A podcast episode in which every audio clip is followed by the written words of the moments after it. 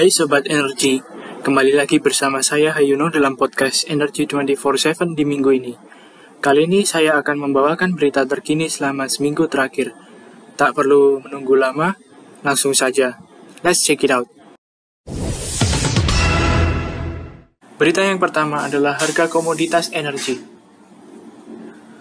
Rata-rata Indonesian Crude Price atau ICP bulan Oktober sejauh ini masih mengikuti ICP bulan September yaitu sebesar 82,59 dolar Amerika Serikat per barrel. Per 12 Oktober, harga minyak West Texas Intermediate atau WTI berada di kisaran harga 83,9 dolar Amerika Serikat per barrel. Sementara, harga minyak Brent berada di kisaran harga 85,53 dolar Amerika Serikat per barrel. Harga batu bara acuan bulan Oktober sebesar 133,13 dolar Amerika Serikat per ton. Kemudian, Newcastle Coal Price per 12 Oktober tercatat sekitar 140,5 dolar Amerika Serikat per ton. Berita selanjutnya adalah minyak dan gas bumi. Pemerintah perlu mewaspadai melonjaknya impor minyak dan gas bumi dalam waktu dekat ini.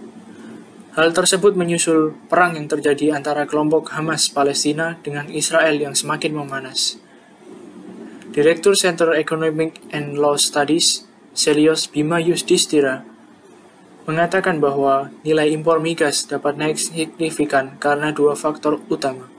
Salah satunya disebabkan kenaikan harga minyak mentah akibat kekhawatiran gangguan pasokan karena berlanjutnya konflik.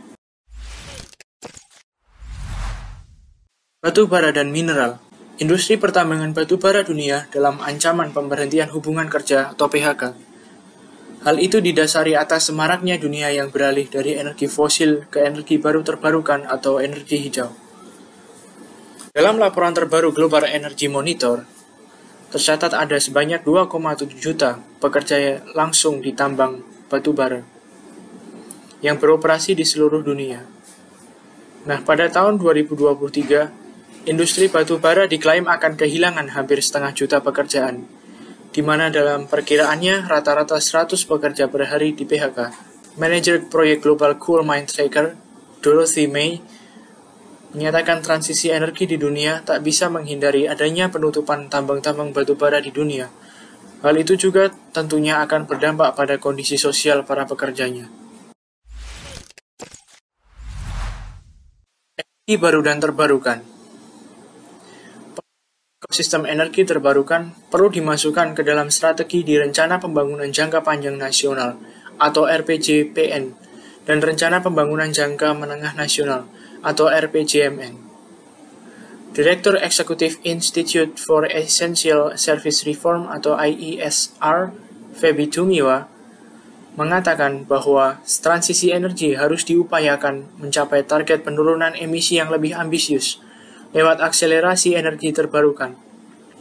Febi mengatakan bahwa prioritas transisi energi dan penurunan emisi dalam RPJPN dan RPJMN harus menjadi prioritas para calon presiden, partai politik, dan calon anggota legislatif yang akan berkontestasi di 2024. Selain itu, dia menyampaikan perlunya untuk memensiunkan perbangkit listrik tenaga uap atau PLTU batu bara yang selaras dengan target persetujuan Paris.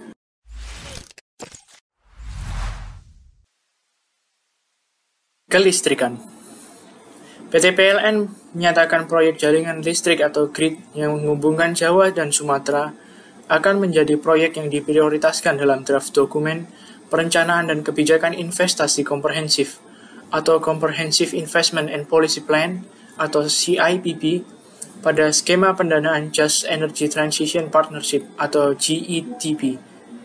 Executive Vice President Energy Transition and Sustainability PLN, Kamia Handayani, mengatakan proyek transmisi Jawa Sumatera membutuhkan investasi sebesar 2,9 miliar dolar Amerika Serikat.